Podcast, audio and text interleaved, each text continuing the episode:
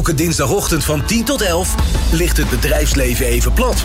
Dan luisteren alle ondernemers in het MKB en ZZP'ers naar De Ondernemer op Nieuw Business Radio. Als reizigers er massaal voor kiezen om in plaats van een coronavoucher geld terug te vragen voor hun uitgestelde pakketreis, dan ontstaat een volledige meltdown in de Nederlandse reisindustrie.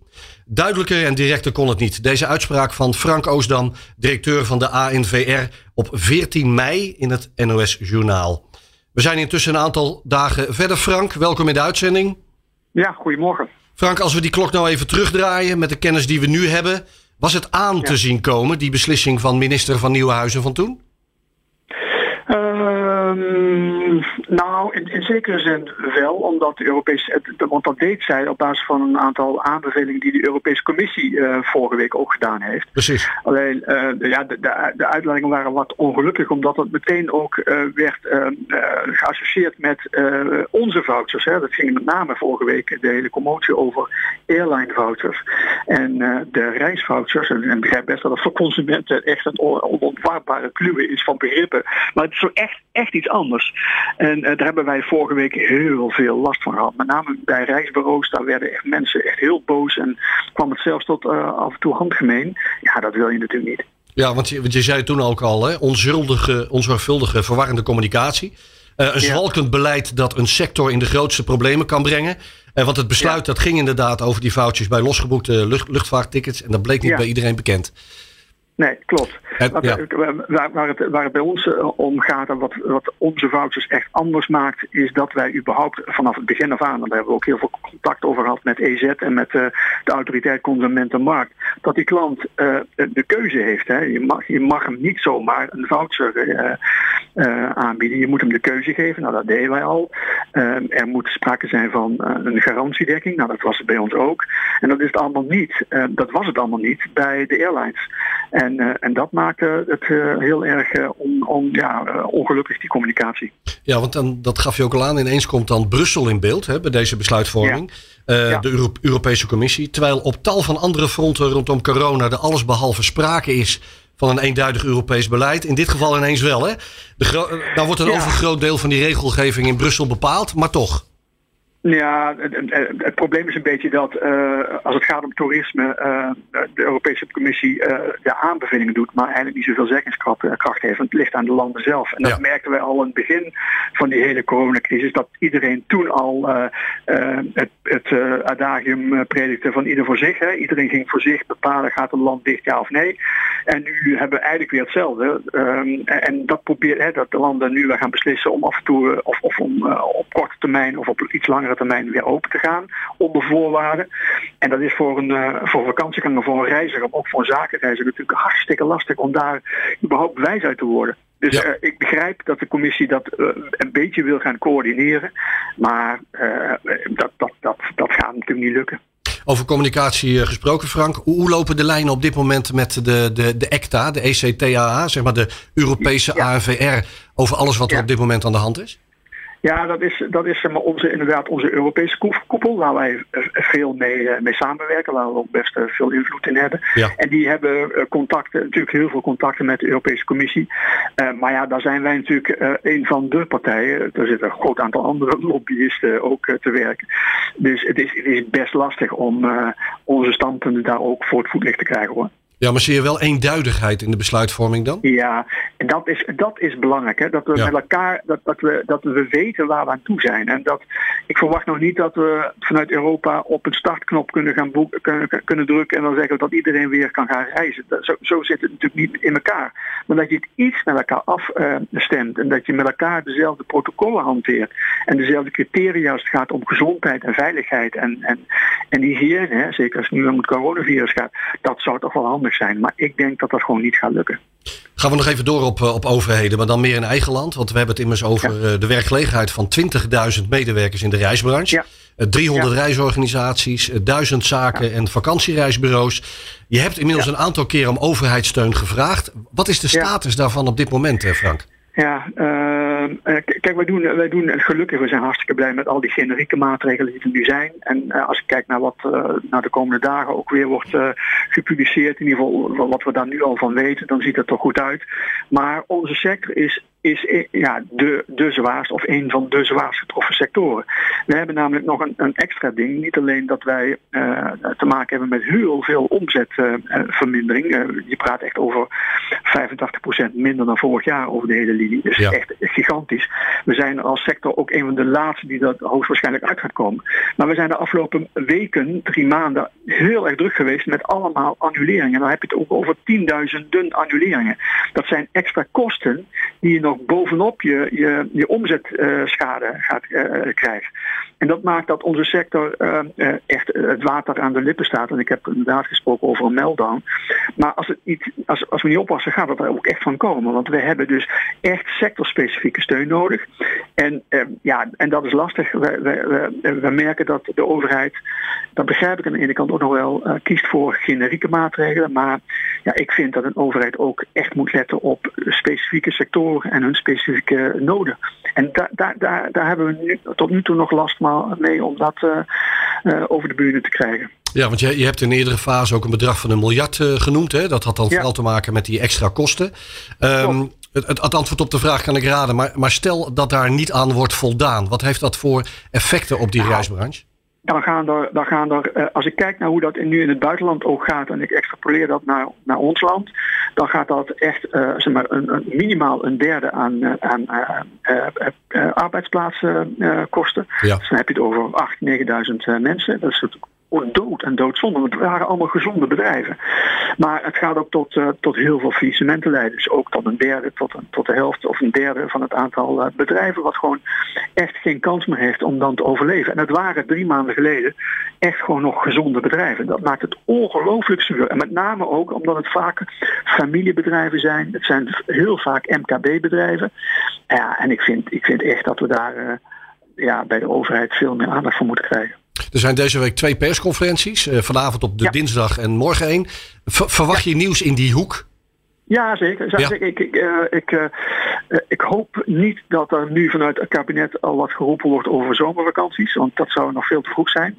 Want dat weten we eigenlijk oprecht nog niet. We zien wel allerlei lichtpuntjes ontstaan. Dus dat is goed. Ja. Uh, maar ik verwacht toch wel wat mededelingen als het gaat om het, dat generieke pakket noodmaatregelen. Wat er nu weer in de tweede tranche zit aan te komen.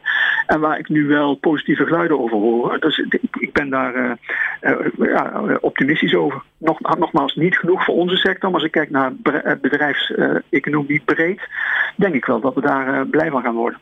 Ja, en dan meldt opeens een Italië zich. Uh, toeristen zijn ja. welkom. En Griekenland, Portugal, Turkije, ja. Spanje, dat ja. eind juni de grenzen wil gaan openen. Uh, Frank, wat doet dit nieuws nu met bijvoorbeeld die reisvoucher discussie? Ja, nou, nou ja, kijk, de beste, de beste uh, remedie is, is dat we weer kunnen gaan reizen. Hè, want dan hebben we geen vouchers meer nodig. Uh, en dan, uh, dan, dan komen er bij ons inderdaad ook weer boekingen binnen. Want we zijn zo, zeg maar, al drie maanden gewoon dicht. We, we, we hebben geen boekingen meer gemaakt.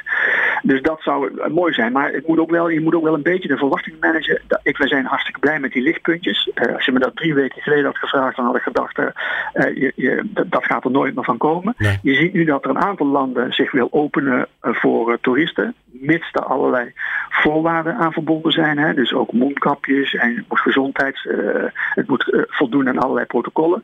Maar daar zijn we natuurlijk wel blij mee. Dus als, als en ik noem het maar toerisme op de handrem. Het zal in lagere aantallen zijn, omdat die hotels ook draaien op lagere bezettingsgraden. Ook omdat je op de bestemmingen ook anderhalve meter in acht moet nemen. Maar ja, we zijn natuurlijk hartstikke blij met, uh, al is het maar heel klein, maar ja. met die openingen die nu worden geboden. Ja, want, want als je even de, de pet van de ANVR-directeur afzet, uh, beste Frank, en benader hem als consument. Ja. Hoe verstandig ja. is het dan überhaupt dat die grenzen nu al zo snel weer openen? Nou, die gaan dus niet zo snel open. Kijk, wat je, wat je nu ziet is uh, goede berichten uit het buitenland. Maar uh, ja, we kunnen nu nog niet, omdat de wereld nog op oranje staat. Ja. Het ministerie van Buitenlandse Zaken heeft het nu nog op oranje gesteld. En we hebben toch echt wel een geel reisadvies nodig om überhaupt een beetje goed te kunnen reizen. Uh, maar als dat kan, en dan ben ik consument, uh, ik hou van reizen en een vakantie. Uh, ja, en, en, en een land is, voldoet aan alle protocollen. Ja, waarom zou je dan niet gaan? Los van het feit dat je in Nederland prima vakantie kan vieren. Maar ik zou, dus ik, als vakantieganger, ben ik al toch wel een beetje aan het kijken van waar zou ik dan naartoe kunnen? En dat had ik drie weken geleden niet kunnen denken. Nee, nee, en de situatie natuurlijk ook op dit moment is dat ik eigenlijk niet naar mijn werkplek, werkplek op kantoor mag, maar wel naar Italië op vakantie. ja. ja. Nou ja, kijk, en Italië is nu toch, ja, die, uh, ja feiten, feiten, feiten wel. Maar, ja. En dan moeten we toch, en dat proef ik een beetje in de discussies die we nu, nu krijgen, van ja, maar wie garandeert ons dat daar de, dan de voorwaarden uh, goed zijn en dat de criteria goed zijn om daar überhaupt naar, naartoe te gaan. En ja, da, daar moet je dus natuurlijk wel op vertrouwen dat ook daar de belangen natuurlijk groot zijn.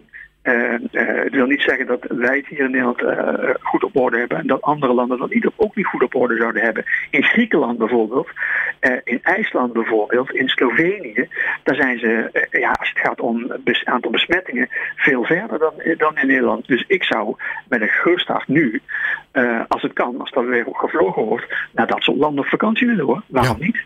Wat voor effect gaat deze coronacrisis en dan natuurlijk ook het virus uiteindelijk hebben op ons reisgedrag, denk je? Nou, ik, uh, dat zal op de lange termijn, de langdurige trend is dat mensen gewoon graag rei willen reizen. Dat we steeds mobieler worden.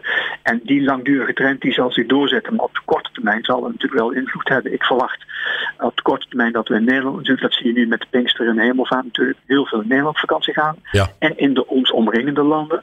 Uh, we zullen veel met een auto op stap gaan. Maar uiteindelijk, ik, joh, de Nederlander staat te trappelen om weer naar het buitenland te gaan.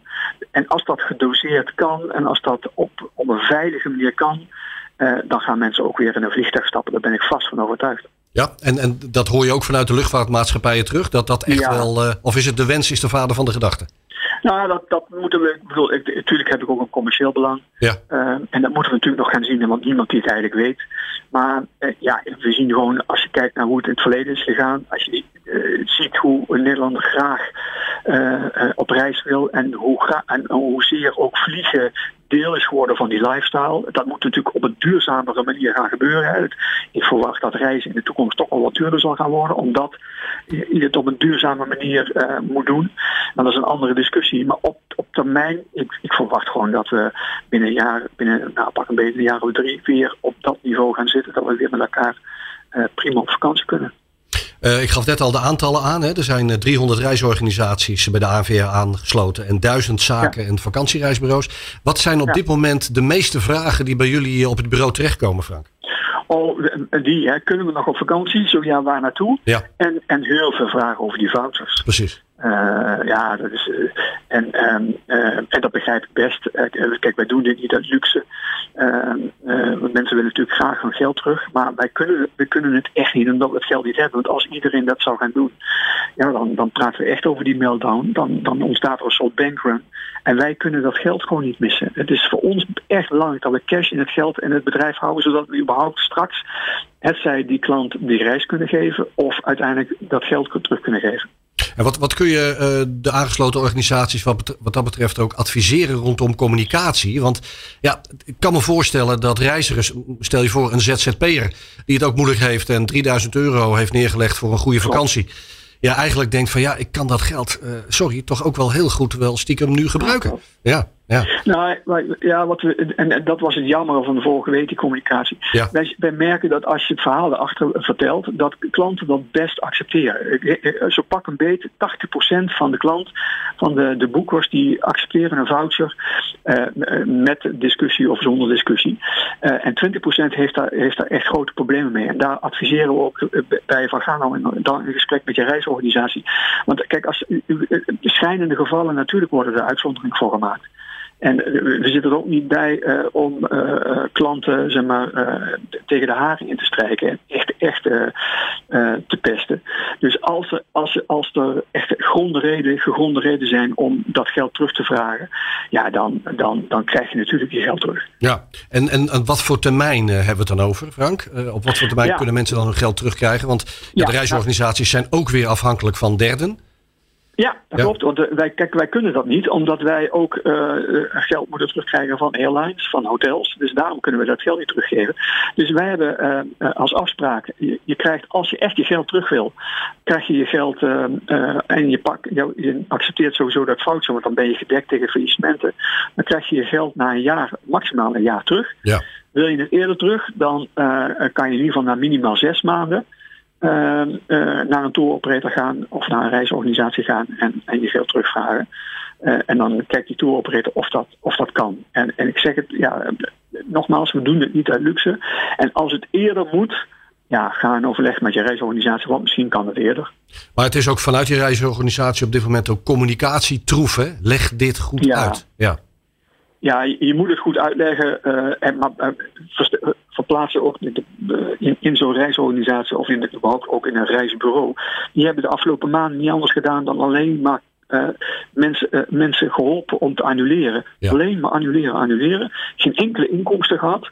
Uh, dat is natuurlijk ook een ongelooflijk frustrerende en, en ja, negatieve activiteit. Dus we zitten met elkaar te snakken ook naar die sprankjes hoop dat we daar weer vakanties kunnen gaan boeken.